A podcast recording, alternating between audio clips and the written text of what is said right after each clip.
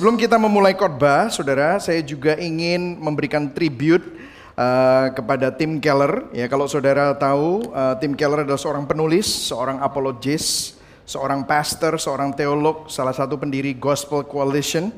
Uh, dia adalah pendiri gereja Redeemer Presbyterian Church di New York City. Dan dia juga adalah pendiri dari City to City. Ya, saudara, kalau saudara tahu, Gibeon adalah bagian dari City to City Network. Uh, dan saya adalah network leader bagi uh, Indonesia, ya saudara ya. Uh, jadi uh, Tim Keller is very dear to me. Kalau saudara perhatikan semua filosofi pelayanan uh, yang ada di Gibeon Church dan semua gospel centeredness yang ada di Gibeon Church, saya bisa bilang mungkin 70% uh, saya belajar banyak. Kalau ini perguruan silat ya saudara, dia adalah sefu saya gitu saudara ya. Uh, jadi it's very dear to me. I, I saya benar-benar kehilangan, uh, tapi saya tahu pekerjaan dan legacy warisan imannya untuk gereja yang untuk supaya gereja tetap berpusat pada Injil uh, ini tetap continue on dan saya berdoa supaya melalui saudara semua melalui Gibeon juga kita bisa terus mengumandangkan Injil sampai ke seluruh Indonesia. Yang setuju katakan amin. Amin. Nah kita ada di dalam khotbah berseri uh, eksposisi kitab Galatia, Standing Upon the Gospel of Grace. Dan ini adalah minggu yang ke-17. Wow, udah 17 minggu saudara ya. Empat bulan lebih satu, satu minggu ya saudara ya. Dan hari ini kita akan bicara tentang gospel ministry. Nah saudara kalau saudara lihat di gereja-gereja banyak sekali pelayanan dan banyak sekali model hamba Tuhan. Dan Masalahnya yang perlu kita pertanyakan adalah uh, apakah mereka itu menampilkan Injil dan sesuai Alkitab. Filosofi pelayanan itu penting. Bahkan mungkin sudah bilang, tapi kan saya bukan hamba Tuhan. Kenapa kita harus ngomongin pelayanan? Well, kita semua dipanggil sebagai hamba Tuhan, saudara. Kalau saudara seorang ibu rumah tangga, saudara adalah hamba Tuhan untuk anak-anak saudara dan rumah tangga saudara. Kalau saudara seorang pemilik perusahaan, saudara adalah hamba Tuhan di dalam perusahaan saudara. Kalau saudara seorang karyawan, seorang manajer, saudara adalah hamba Tuhan di perusahaan di mana saudara bekerja. Kalau saudara seorang uh, orang yang kuliah, orang yang anak yang sekolah, saudara semua adalah hamba Tuhan. Namun, saudara ini menampilkan hamba Tuhan itu menampilkan Injil atau tidak. Nah ini yang akan kita lihat dan kita akan melihat juga berdasarkan dengan teks kita bagaimana gereja saudara dan saya benar-benar memiliki filosofi kehidupan yang melayani Tuhan itu seperti apa. Nah Galatia 4 ayat 12 sampai 20 ini menjadi ala, uh, teks kita hari ini dan kita akan baca sama-sama saudara dan saya baca yang genap dan saya akan bacakan yang ganjil ya Galatia 4 ayat 12. Kita akan mulai. 1 2 3. Aku minta kepadamu saudara-saudara jadilah sama seperti aku sebab aku pun telah menjadi sama seperti kamu. Belum pernah aku alami sesuatu yang tidak baik daripadamu. Kamu tahu bahwa aku pertama kali telah memberitakan Injil kepadamu oleh karena aku sakit pada tubuhku. Ayat 14, sungguh pun demikian keadaan tubuhku itu yang merupakan pencobaan bagi kamu, namun kamu tidak menganggapnya sebagai sesuatu yang hina dan yang menjijikkan. Tetapi kamu telah menyambut aku sama seperti menyambut seorang malaikat Allah, malahan sama seperti menyambut Kristus Yesus sendiri. Betapa bahagianya kamu pada waktu itu dan sekarang di manakah bahagiamu itu karena aku dapat bersaksi tentang kamu bahwa jika mungkin kamu telah mencungkil matamu dan memberikannya kepadaku. Ayat 16, apakah dengan mengatakan kebenaran kepadamu aku telah menjadi musuhmu? Mereka dengan giat berusaha untuk menarik kamu. Stop dulu ya, ini mereka itu adalah guru-guru palsu ya, Judaizer. Tetapi tidak dengan tulus hati karena mereka mau mengucilkan kamu supaya kamu dengan giat mengikuti mereka. Ayat 18, memang baik kalau orang dengan giat berusaha menarik orang lain dalam perkara-perkara yang baik.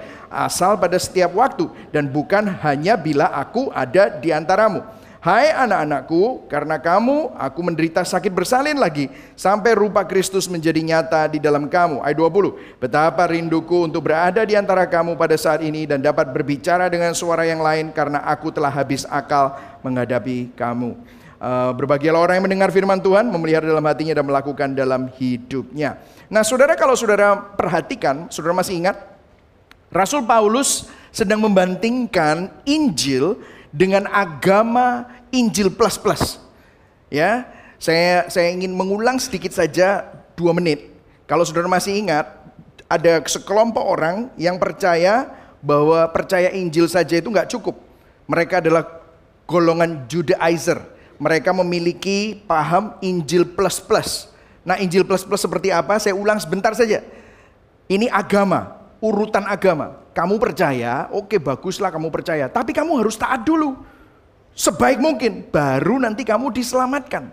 Nah, ini bukan Injil, karena Paulus berkata begini, the gospel itu bukan seperti itu. Kalau kamu percaya, kamu bisa lahir baru itu karena kuasa roh kudus, dan itu karena kasih karunia Tuhan, oleh iman, salvation by grace alone through faith. Dan itu yang menyelamatkan kamu. Kamu dibenarkan, justification.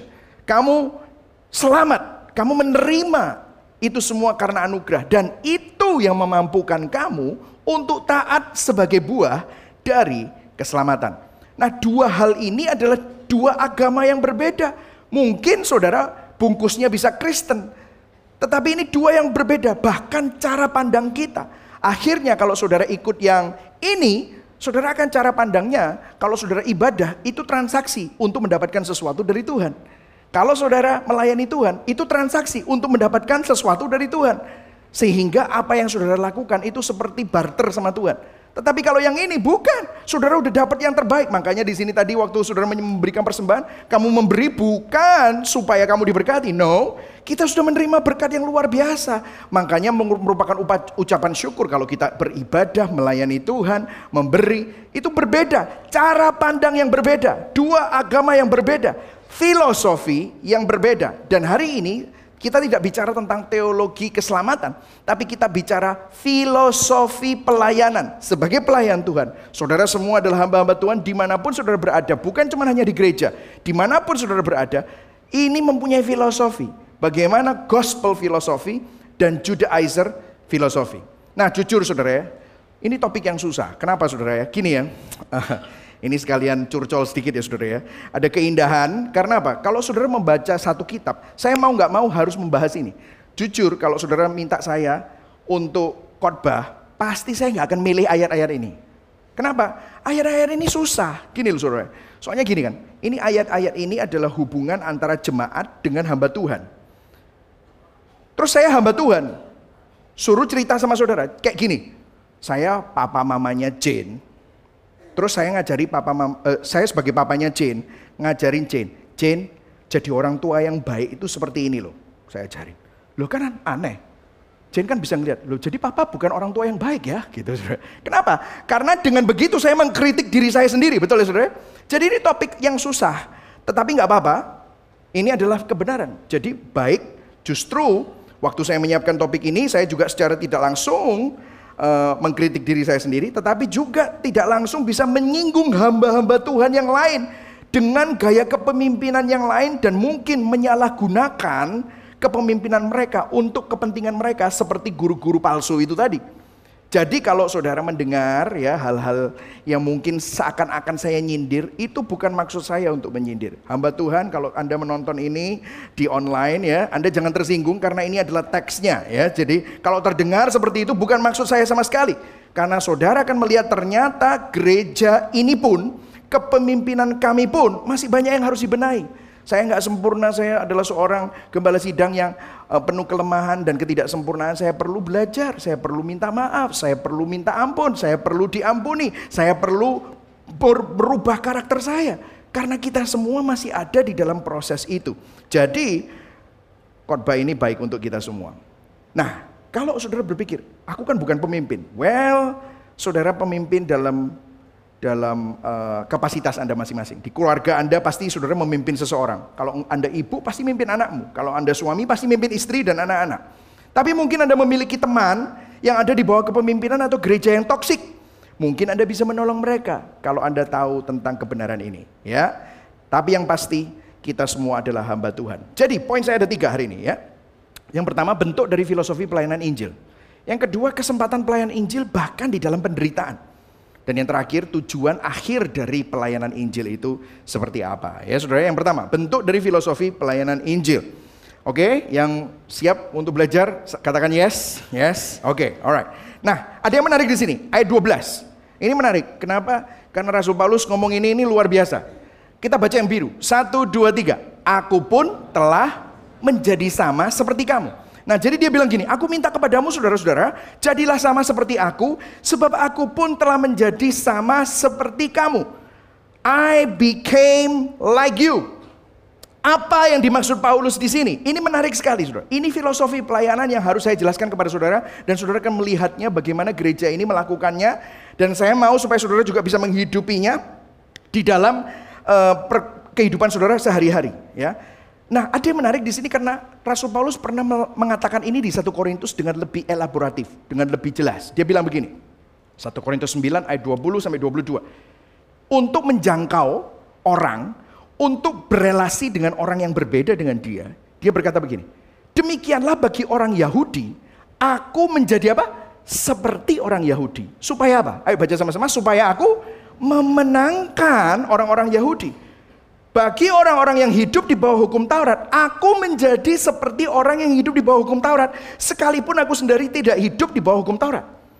Supaya apa? Supaya aku dapat memenangkan mereka yang hidup di bawah hukum Taurat.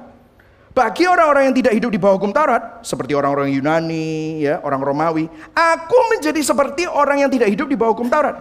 Tapi bukan berarti dia hidup dalam dosa. Bukan. Sekalipun aku tidak hidup di luar hukum Allah, oh, dia masih hidup di dalam hukum Allah, tapi dia relate. Karena aku hidup di bawah hukum Kristus. Apa yang dia lakukan? Supaya tujuannya aku dapat memenangkan mereka yang tidak hidup di bawah hukum Taurat. Bagi orang-orang yang lemah, aku menjadi seperti orang yang lemah. Supaya aku dapat menyelamatkan mereka yang lemah. Bagi semua orang aku telah menjadi segala-galanya. Supaya aku sedapat mungkin memenangkan beberapa orang dari antara mereka. Wah ini menarik saudara. Saudara saya masih ingat dulu waktu saya uh, jadi youth pastor. Saya harus mendalami uh, hobinya anak-anak yang masih masih muda itu senangannya main game gitu saya ikut main game sama mereka. Padahal waktu itu saya udah umur 30 something ya saudara ya. Wah saya orang paling tua main game sama mereka gitu ya saudara ya. Kemudian saya main basket, waduh mereka lari, dah, dah, dah. saya udah, ah, ah, ya saudara ya. Uh, terus uh, macam-macam main football, main apa. Saya menjadi seperti mereka karena ini merupakan salah satu cara. Nah apa yang dikatakan Paulus di sini? Paulus menggunakan metode namanya kontekstualisasi Injil. Katakan sama-sama kontekstualisasi. Kontekstualisasi. Apa itu kontekstualisasi? Nah saya kasih contoh ya saudara. Saudara tahu nggak? Kita orang Indonesia, terutama orang Surabaya, itu punya konteks. Coba saya kasih contoh. Orang Surabaya ini gaya pakaiannya itu tersendiri loh saudara. Saudara misalnya pergi ke luar negeri gitu ya. Pernah, saya pernah tuh lihat TikToknya gitu. Pernah lihat TikToknya itu ada orang bilang, waktu dia jalan-jalan nggak tahu di mana ya, di Jepang atau di mana gitu terus papanya bilang lihat lihat lihat orang Indonesia itu orang Indonesia. Tahu dari mana pak lihat bajunya loh mirip mirip. Terus tidak lama kemudian ngomong oh ngono ta? Oh ya toh orang Surabaya ini kelihatan. Saudara tahu nggak? Kalau saudara di mana mana bisa kelihatan kok ini orang Indonesia gitu ya saudara ya. Konteks. Nah saudara kalau saudara perhatikan makanan kita, saudara bisa pergi ke uh, Eropa, makanan di Itali, makan spaghetti, pizza, tapi saudara tetap aja kangen rawon, ya, kangen soto, kangen pecel. Kenapa saudara? Itu konteks saudara. Jadi dalam hal apa pun kita ini punya konteks. Nah Alkitab juga dikontekstualisasi. Alkitab ada bahasa Jawa, bahasa Indonesia, Alkitab bahasa Batak Toba, Alkitab bahasa Madura. Jadi Alkitab pun dikontekstualisasi. Nah, Injil, kontekstualisasi Injil adalah upaya menerjemahkan Injil dengan suatu metode, bahasa dan cara yang dapat diterima dan dimengerti di dalam suatu konteks budaya tertentu. Ya, jadi kalau saudara perhatikan, kita semua ini punya konteks. Makanya kalau sudah perhatikan orang-orang yang datang ke Gibeon ini konteksnya sedikit berbeda dengan mungkin gereja lain. Kenapa? Karena kita mungkin diajak berpikir. Jadi orang-orang di sini itu yang senang mikir atau uh, apa yang yang senang berapologetika atau mungkin yang senang pengajaran. Nah, itu kelihatan, itu konteks. Jadi konteks-konteks ini sangat penting. Nah, kontekstualisasi Injil ini kita perlu perlu belajar. Nah, saya akan tunjukkan kepada Anda apa yang bukan kontekstualisasi Injil yang menjadi kecenderungan manusia. Begini, Saudara. Saat manusia berkelompok, saat manusia bergereja atau punya komunitas, kalau tidak menggunakan lensa Injil, lensa Injil ya, maka kecenderungan dosa yang ada di dalam kita dapat dimanifestasikan dalam cara kita bergereja, berkomunitas, dan berrelasi dengan orang lain atau berorganisasi. Saya kasih contoh. Ini yang bukan kontekstualisasi Injil ya. Ini kontekstualisasi. Masih ingat musuh Injil itu ada legalisme, liberalisme. Masih ingat saudara? Ya. Legalisme itu pakai hukum, semua harus ada aturannya. Liberalisme terserah kamu. Kalau liberalisme bilang Tuhan itu kasih, kasih, tapi nggak ada kebenaran. Oh, kalau kalau uh, legalisme Tuhan itu teratur, tertib, wah kudus, tapi kurang kasih. Nah, kontekstualisasi juga begini. Nah, saya mulai dari yang liberalisme ya. Liberalisme sering kali kontekstualisasinya seperti ini, asimilasi. Jadi asimilasi ini ngomong gini, kita perlu mengerti mereka lah. Ya mereka memang orangnya seperti itu. Oh kita perlu mengerti lah anak-anak ini seperti apa. Anak-anak muda itu kan senangnya sekarang itu kan yang fun-fun gitu. Oh pakai game, oh ya makanya pakai lighting, oh panggil panggil DJ ya, biar keren, ada door prize, ada game-game yang keren-keren. Bagus gak? Bagus. Tapi kalau tidak disertai dengan kebenaran, kita cuma hanya meniru cara sebuah budaya untuk memenuhi dambaan atas pergumulan eksistensial mereka, tetapi kita melarutkan Injil. Jadi sering kali kadang-kadang ya sekarang itu untuk menjangkau anak-anak muda, gereja itu bisa dibuat seperti klub. Ya di sini aja kita sudah dikritisi. Waduh, Pak gerejanya ini kok sekarang banyak lightingnya, lightingnya bo, kayak di klub aja. Kalau sudah perhatikan, nanti saya akan jelaskan kepada saudara, kita nggak seperti itu. Tetapi ada loh gereja yang seperti klub, uh panggil DJ dan yang lain-lain. Terus korbannya nggak ngomong Yesus. Ngomong hikmat. Ngomong sukses. Ngomong integritas. Nilai-nilai nilai. Sehingga tidak menyinggung siapa-siapa. Karena kalau ngomong Tuhan masih oke. Okay. Tapi begitu ngomong Yesus, ngomong salib, udah nggak relevan. Akhirnya apa? Gereja jadi persis seperti seminar-seminar motivasi, di perusahaan-perusahaan, cuma labelnya gereja Gibeon Church Surabaya gitu misalnya. Ini asimilasi, meniru cara sampai nggak ada bedanya sama dunia. Jangan sampai dalam menjangkau generasi demi relevansi kita hanya fokus pada ekspresi, akhirnya hanya cari sensasi, akhirnya kehilangan esensi. Wah, angel loh saudara ini bikin Rima ya saudara. Wah ini mikirnya aja berapa jam saudara. Iya tapi beneran saudara, ini namanya asimilasi. Nah kok, ya asimilasi nggak bener saudara.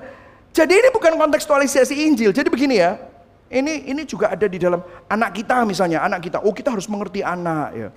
Loh kamu tanya sama anak umur satu tahun, kamu mau makan apa? Lu tanyain gitu sama anak umur, umur satu tahun, pasti akan tanyanya apa? Ngomongnya apa? French fries. Chicken nugget gitu ya.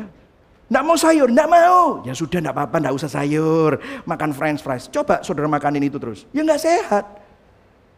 Kita asimilasi sama orang, orang itu tidak mendapatkan kebenaran, akhirnya sesat. Ngerti maksud saya? Nah, ini bukan kontekstualisasi Injil.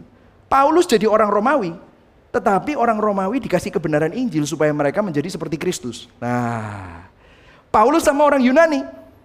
Orang Yunani dikasih kebenaran Injil supaya tidak jadi penyembah berhala, tetapi menjadi seperti Kristus.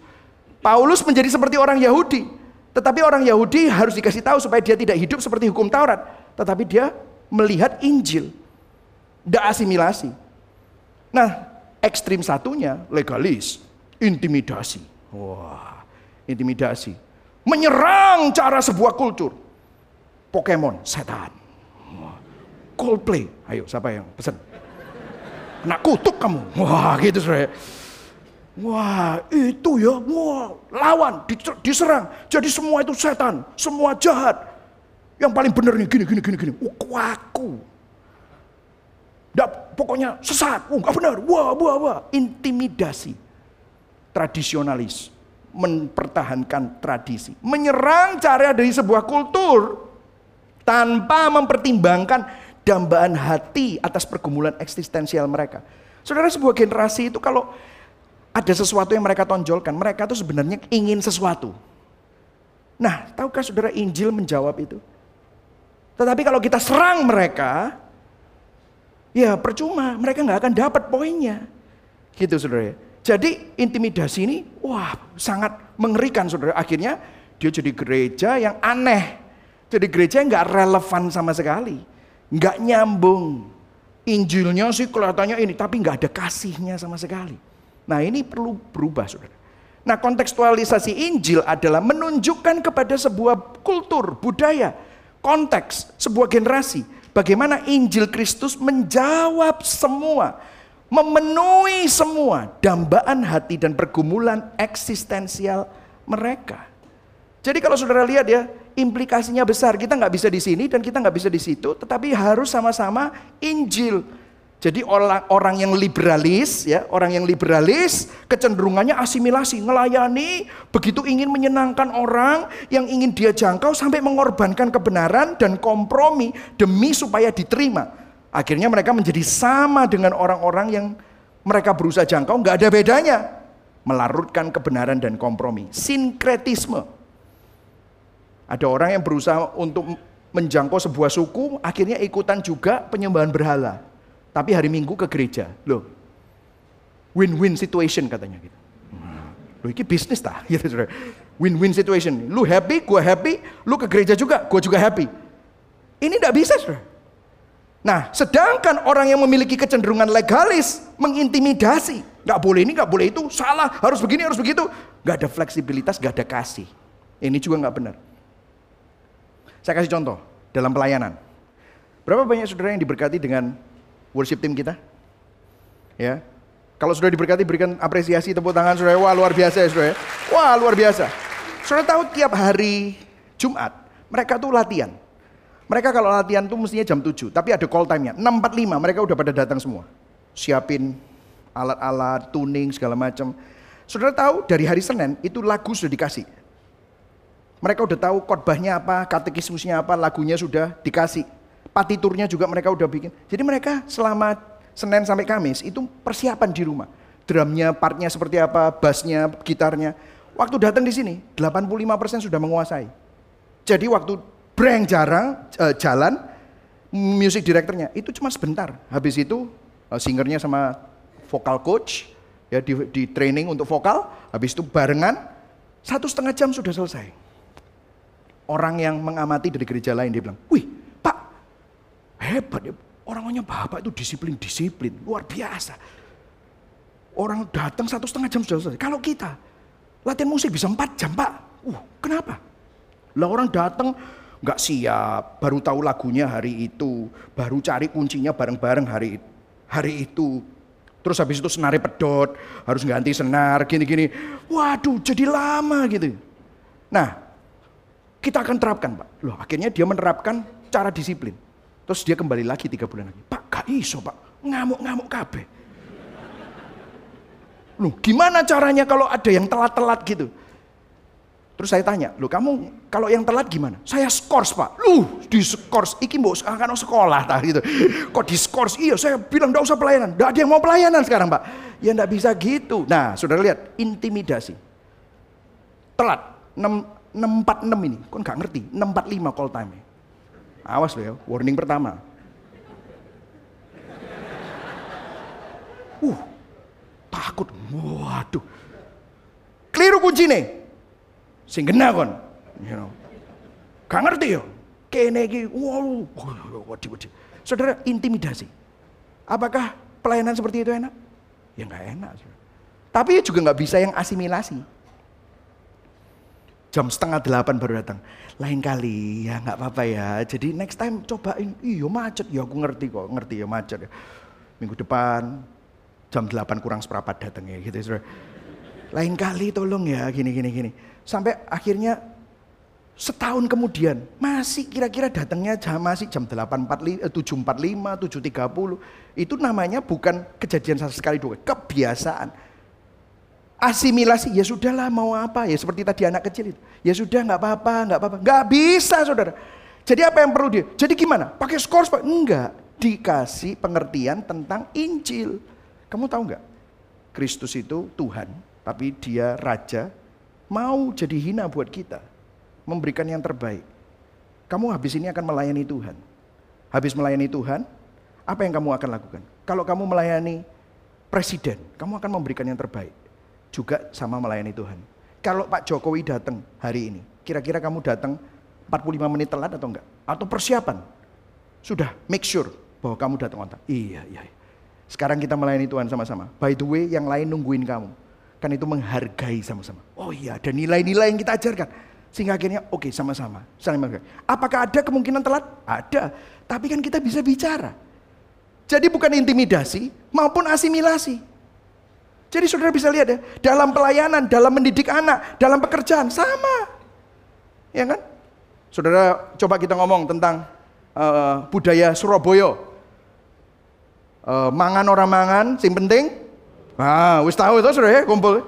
Kan intinya gini, kumpul-kumpul, ambek mangan, mangan. Lah, CG. Nah, CG, begitu CG senengnya apa? Wah, kumpul-kumpul, mangan, mangan. Lah kalau asimilasi, kumpul-kumpul mangan-mangan. Uh, jam songo rek. Belum bahas materi. Mateng kon. Kok diseneni Pastor Michael?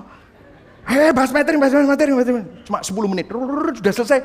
Mari ngono mangan-mangan mana kumpul-kumpul gitu. Itu asimilasi. Kenapa? Melarutkan kebenaran. Betul ya saudara? Tapi kalau intimidasi, woi jam 7 telat kabeh. Ayo, sing. Ayo kita mau belajar kita. Oke, belajar ya. Wah, ya apa sih? Serius dong. Wedi kabeh. CG wedi kabeh. Ya gak bisa, Saudara. Akhirnya apa? Gak bisa intimidasi dan asimilasi. Tapi dua-duanya. Kalau ada yang dablek, ya perlu diomongi. Gak bisa dibiarkan. Tetapi kalau ada yang uh, apa namanya butuh dikasih tahu, ya dikasih tahu. Tetapi dengan kasih. Itu namanya kontekstualisasi Injil. Saya kasih contoh soal ya, saudara. Contoh soal Injil di kontekstualisasi. Saudara tahu Matius. Matius itu ditulis untuk orang Yahudi. Makanya ada silsilahnya Yesus. Makanya banyak kutipan-kutipan dari Torah, Taurat. Tetapi Markus ditulis untuk orang Romawi. Gak ada silsilah, gak ada kutipan dari Torah. Yang ada adalah ini Tuhan loh, jadi manusia. Kenapa dia ngomong gitu? Karena orang Romawi taunya Zeus, Poseidon, Hercules. Ini Yesus. Tapi melayani. Kalau Zeus menuntut, Yesus melayani. Oh, kontekstualisasi. Paulus juga kontekstualisasi. Saya kasih contoh ya. Ini secara cepat aja. Galatia 2 ayat 3 sampai 5 dan kisah para rasul 16 ayat 1 sampai 3. Saya kasih contoh. Ini tentang sunat. Yang satu ngomong disunat, yang ini tidak perlu disunat. Kalau saudara baca dua-duanya, saudara bisa ngomong gini. Alkitab ini bertentangan.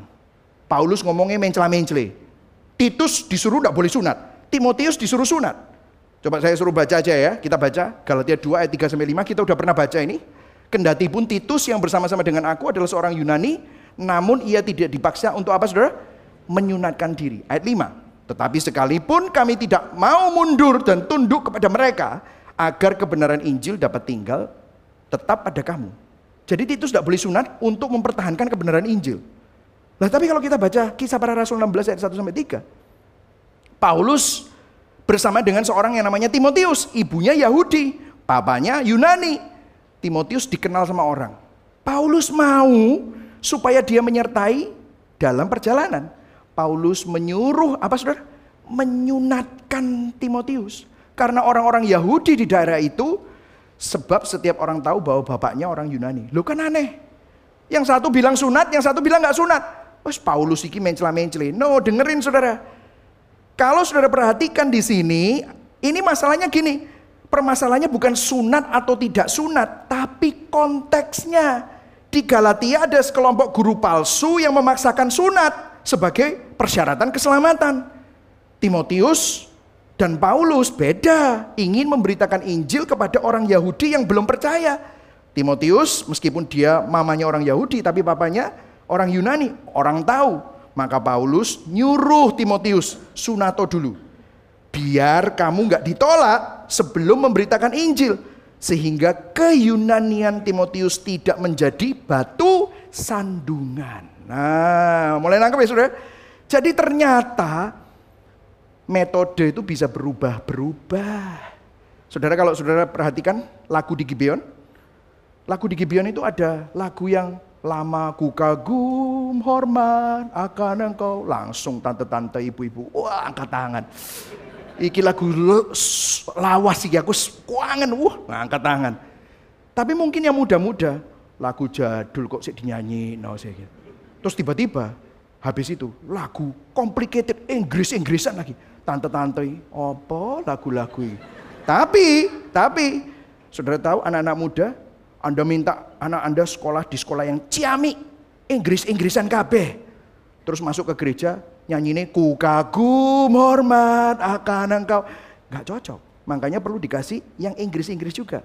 Nah, yang tante-tante bisa mengapresiasi. Oh iya ya, ada anak-anak muda ini.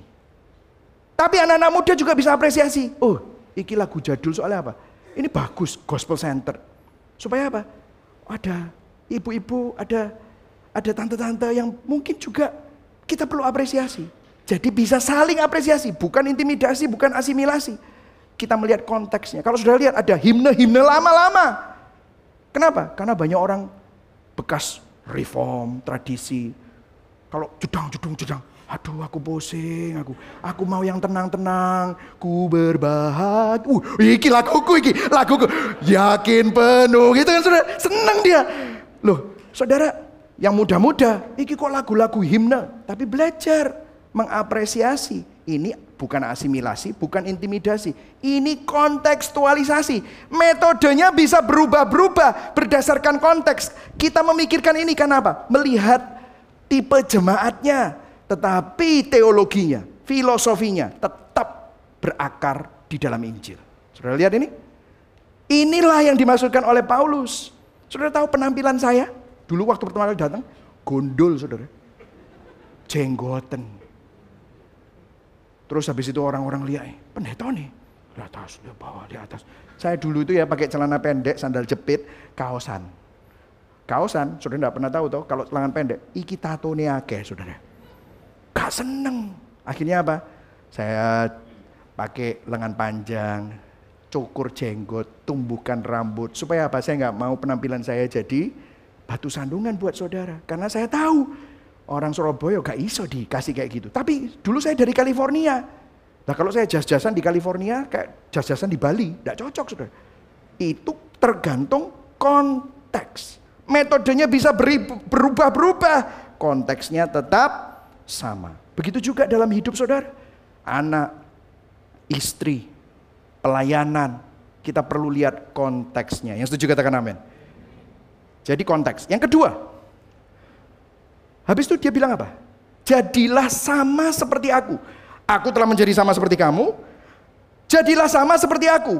Maksudnya apa? Ini bukan tentang kesombongan. Paulus hanya mengatakan kalau Paulus ngomong gini, jadilah sama seperti aku, be like me tanpa ngomong aku menjadi sama seperti kamu.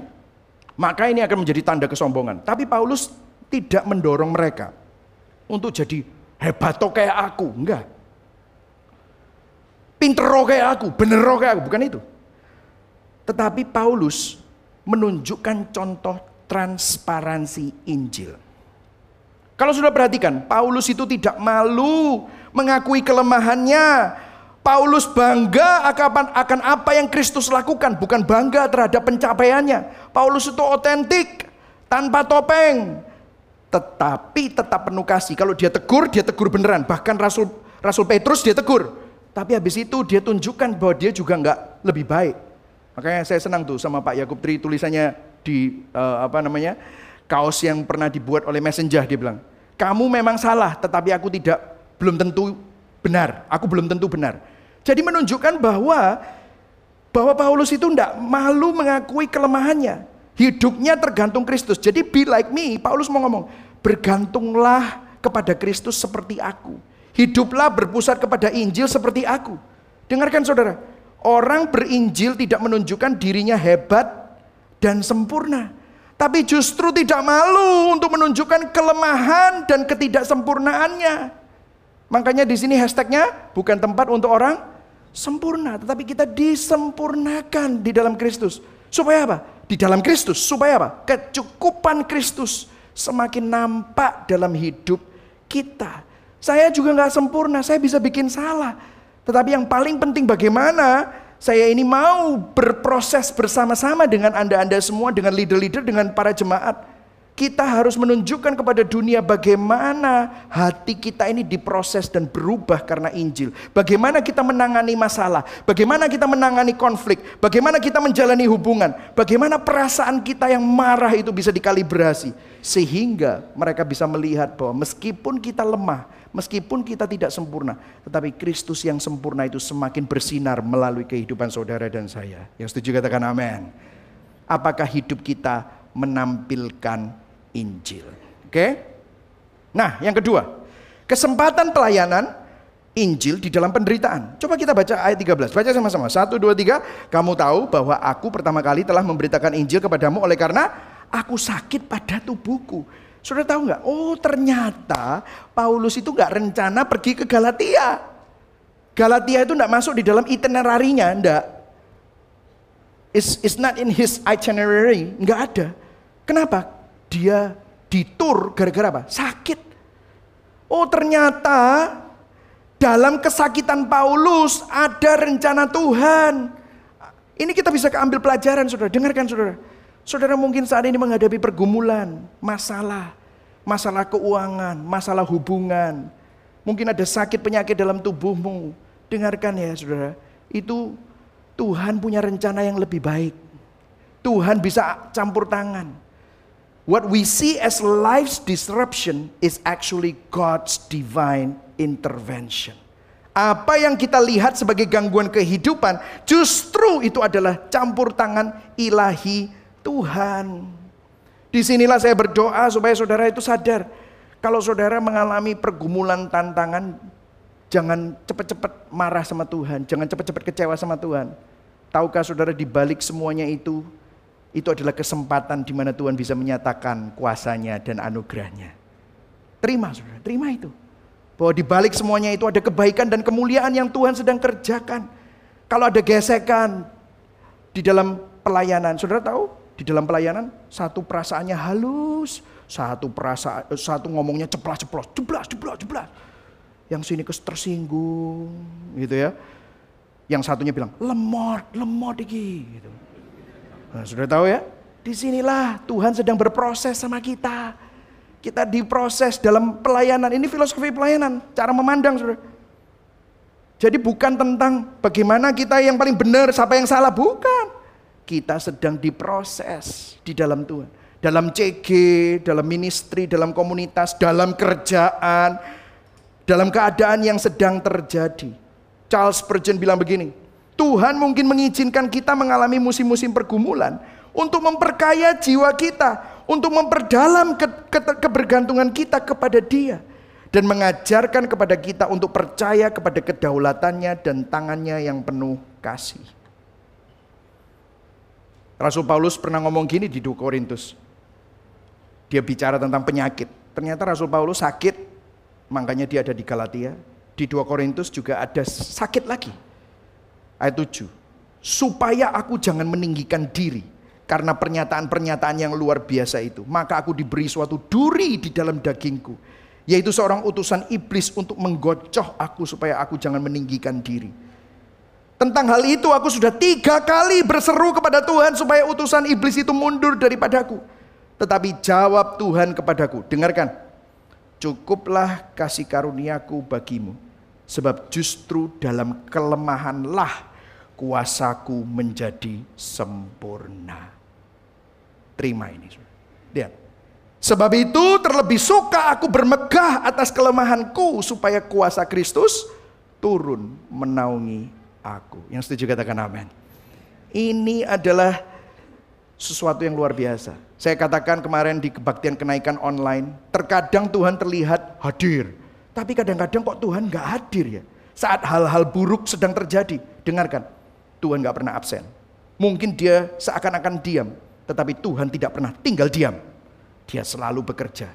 Perhatikan, kekalahan akhir dari kejahatan adalah kejahatan itu akan merusak dirinya sendiri dan mengalahkan dirinya sendiri dan menghasilkan kebaikan yang lebih besar di tangan Tuhan daripada yang akan terjadi apabila kejahatan itu tidak terjadi. Jadi kalau nggak ada pergumulan, mungkin kebaikan itu nggak akan pernah muncul dalam hidupmu. Berapa banyak di dalam kehidupan kita, hidup kita ini justru kita bertobat pas lagi happy-happy. Jarang. Orang bertobat justru pas lagi mengalami pergumulan, masalah, tantangan. Di dalam tangan Tuhan, di dalam hidup orang yang percaya, bahkan hal yang buruk dan kejahatan pun akan menghasilkan kebaikan yang lebih besar daripada yang akan terjadi apabila kejahatan itu tidak terjadi. Saya memberikan tribute lagi kepada Tim Keller, dia berkata begini di, di komentari Galatia. Dia bilang ini, Allah tidak berjanji untuk memberkati orang percaya dengan menghilangkan penderitaan. Tetapi untuk memberkati orang percaya, bahkan melalui penderitaan. Yesus menderita bukan agar kita tidak menderita, tetapi agar dalam penderitaan kita dimampukan menjadi seperti Yesus. Allah menggunakan penderitaan untuk membawa kebaikan bagi kita. Terkadang dengan mengizinkan kita menghadapi pergumulan. Penyakit Paulus membawanya memiliki banyak teman baru dan pelayanan yang berhasil di Galatia. Acap kali kebaikan yang Allah kerjakan adalah untuk membentuk karakter kita. Yang setuju katakan amin. Saudara lihat dari sini ya, luar biasa sekali. Jadi kalau saudara mengalami tantangan hari ini, jangan-jangan Tuhan sedang campur tangan dalam hidup saudara. Jangan kecewa. Firman Tuhan berkata di Yohanes 16 ayat 33. Di dalam dunia kamu pasti menderita. Tidak bisa kita nggak menderita. Jangan marah, jangan galau. Justru di tengah-tengah itu semua Tuhan ingin menunjukkan kuasanya. Oke, okay, next ya saudara ya.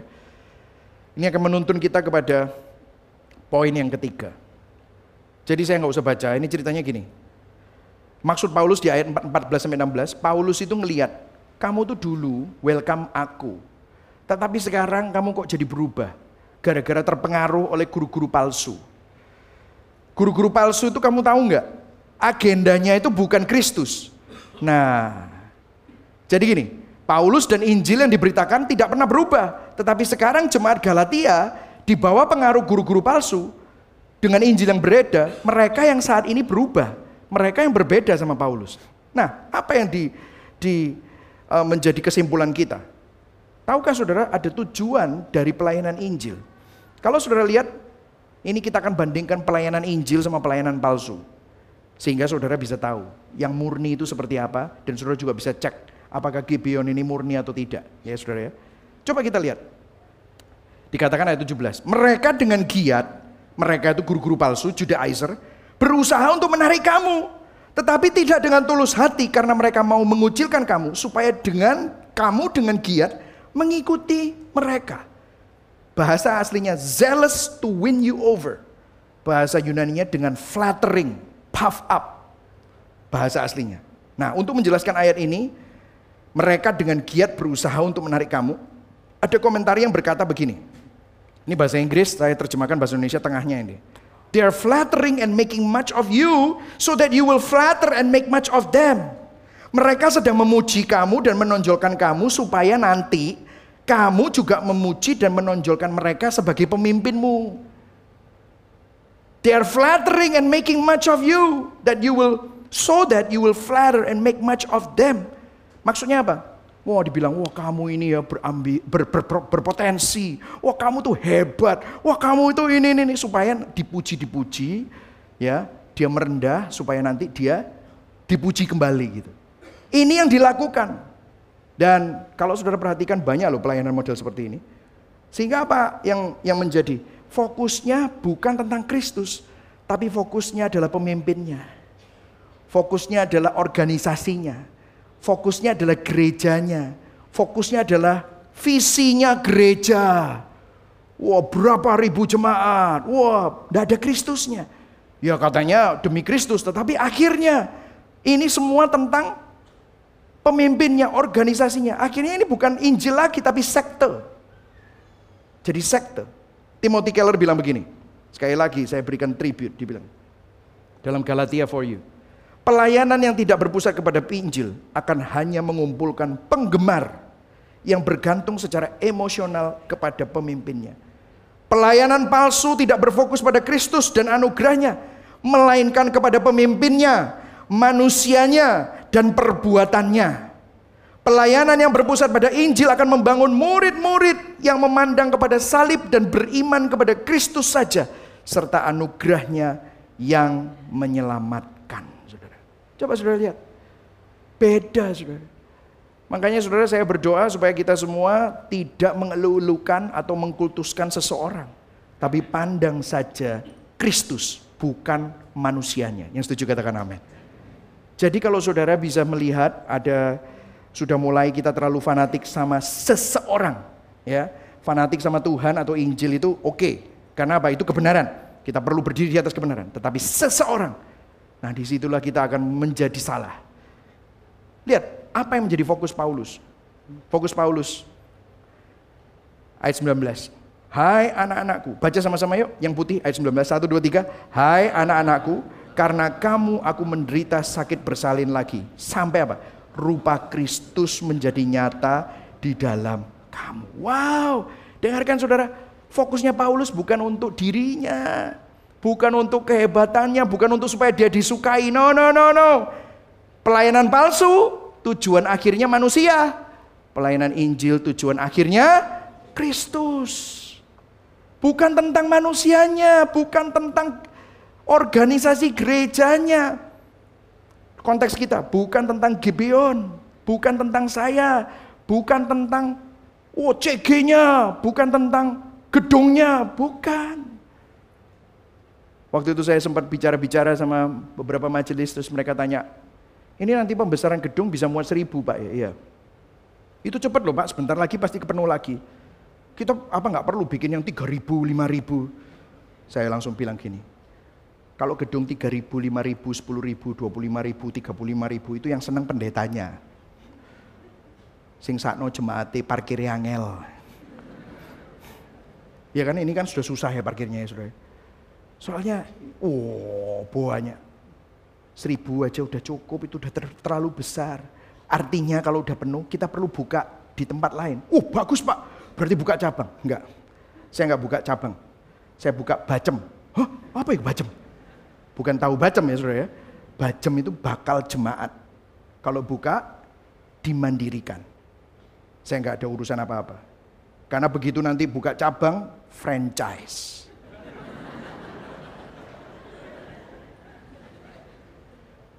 Karena pelayanan tujuan akhirnya bukan manusia.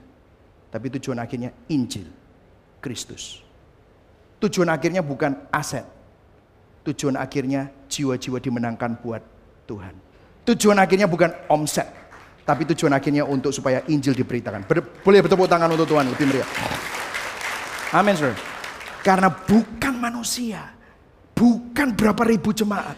Tetapi Kristus menerima kemuliaan Guru-guru palsu menginginkan pengikut yang memuliakan mereka. Paulus menginginkan rekan sekerja yang memuliakan Kristus. Yang setuju katakan amin. Guru-guru palsu melayani tidak dengan Injil namun dengan kesombongan dan kebenaran diri. Paulus melayani dengan Injil dengan ketergantungan dan kecukupan akan Kristus. Timothy Keller. Hari ini tribute untuk dia. Agama membuat kita bangga dengan apa yang kita lakukan. Injil membuat kita bangga dengan apa yang Yesus telah lakukan. Amin saudara. Kita berbangga diri buat apa sih saudara? Tidak ada. Bangganya apa? Kita perlu bangga sama apa yang Yesus lakukan. Dan terakhir Rasul Paulus bilang apa? Ayat 20. Betapa rinduku untuk berada di antara kamu pada saat ini. Dan dapat berbicara dengan suara yang lain. Rasul Paulus itu baik ya. Dia itu sama orang Galatia difitnah, disalah mengerti, diomongin macem-macem, dibilang sesat lagi. Tapi dia tegur dengan keras, tapi dia nggak intimidasi. Dia tunjukkan kasih. Dia nggak asimilasi, dia nggak intimidasi. Dia berdiri dengan kebenaran, tapi tetap penuh kasih. Bahkan dalam keadaan sakit, dalam keadaan dalam penjara, dia bisa bilang, aku rindu berada di antara kamu. Orang-orang yang gosipin dia, memfitnah dia, menyala mengerti dia, nyesat-nyesatin dia. Aku rindu. Apa sih yang menyebabkan Paulus bisa melakukan semua ini? Apa sih? Kok bisa ya orang begini mulia? Saudara tahu? Siapa gurunya Paulus? Siapa gurunya Paulus? Yesus. Kita dapat petunjuknya di ayat 12 tadi itu. Yang pertama, aku telah menjadi sama seperti kamu. Saudara, kenapa Paulus bisa memiliki filosofi seperti ini? Mengapa Paulus bisa berpikir dengan melayani dan filosofinya mempunyai hati yang begitu gospel? Hati yang seperti ini, berdiri dalam kebenaran tapi nggak intimidasi. Kalau benar, dia tegur. Tapi dengan kasih. Dia berempati. Dia tegur nggak bilang, goblok nih, nggak gitu. Tapi dia tegur, kamu belum ngerti. Aku doain kamu, aku rindu spend time sama kamu. Uh, hebat. Kok bisa? Jawabannya, dia pernah ngomong ini di Filipi 2. Hendaklah kamu dalam hidupmu bersama menaruh pikiran dan perasaan yang terdapat juga dalam Kristus Yesus. Yang walaupun dalam rupa Allah tidak menganggap kesetaraan dengan Allah itu sebagai milik yang harus dipertahankan. Melainkan telah mengosongkan dirinya, mengambil rupa seorang hamba, dan menjadi sama dengan manusia. Dan dalam keadaan sebagai manusia, dia nggak sombong, dia Tuhan, dia merendahkan dirinya, taat sampai mati, bahkan sampai mati di salib. Karya inkarnasi Kristus, Sang Raja mengambil rupa seorang hamba yang ilahi menjadi sama dengan manusia yang tertinggi merendahkan dirinya yang immortal. Taat sampai mati yang terhormat mati terhina di kayu salib. Untuk apa? Untuk menebus saudara dan saya. Untuk mendapatkan saudara dan saya. Untuk menjadikan saudara dan saya miliknya. Di 2 Timotius 2 ayat 13 dikatakan, jika kita tidak setia, dia tetap setia. Karena dia tidak dapat menyangkal dirinya dalam bahasa Inggrisnya, when we are faithless. Artinya kita beriman aja nggak bisa, nggak mampu, mungkin terpuruk dalam keadaan kita. But God is faithful. He cannot deny himself. Inilah Injil. Ini yang Kristus lakukan buat kita. Saat kita melihat dunia, kita pakai lensanya siapa?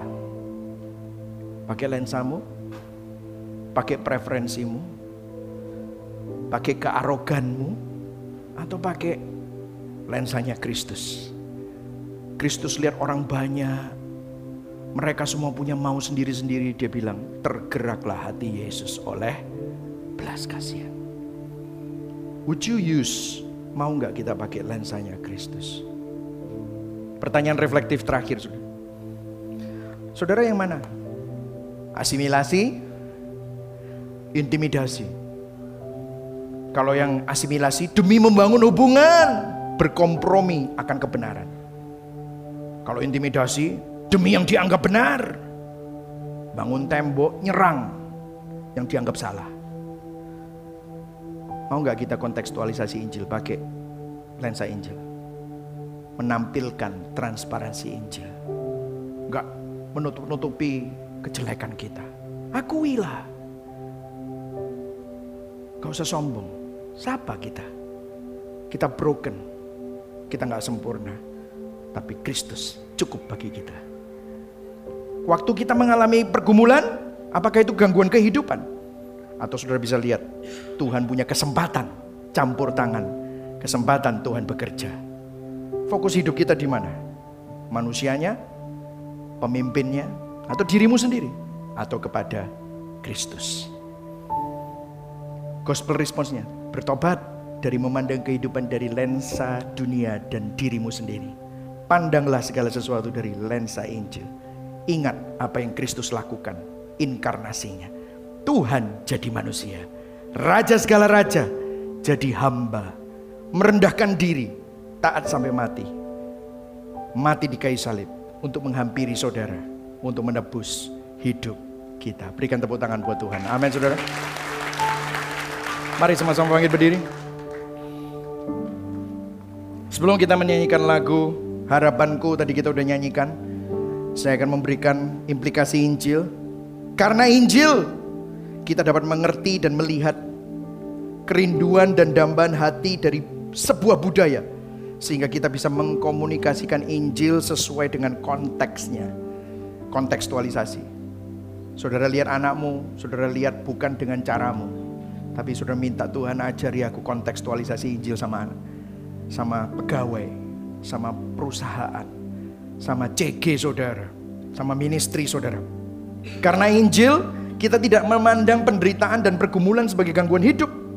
Namun kesempatan Tuhan bekerja menyatakan anugerahnya, campur tangan ilahi. Yang setuju katakan amin. Karena Injil di dalam melayani kita tidak memandang manusia dan berbangga diri. Gak jadi sekte, tetapi memandang hanya kepada Kristus dan rela berproses untuk semakin serupa dengan Kristus. Berikan tepuk tangan buat Tuhan Yesus sekali lagi.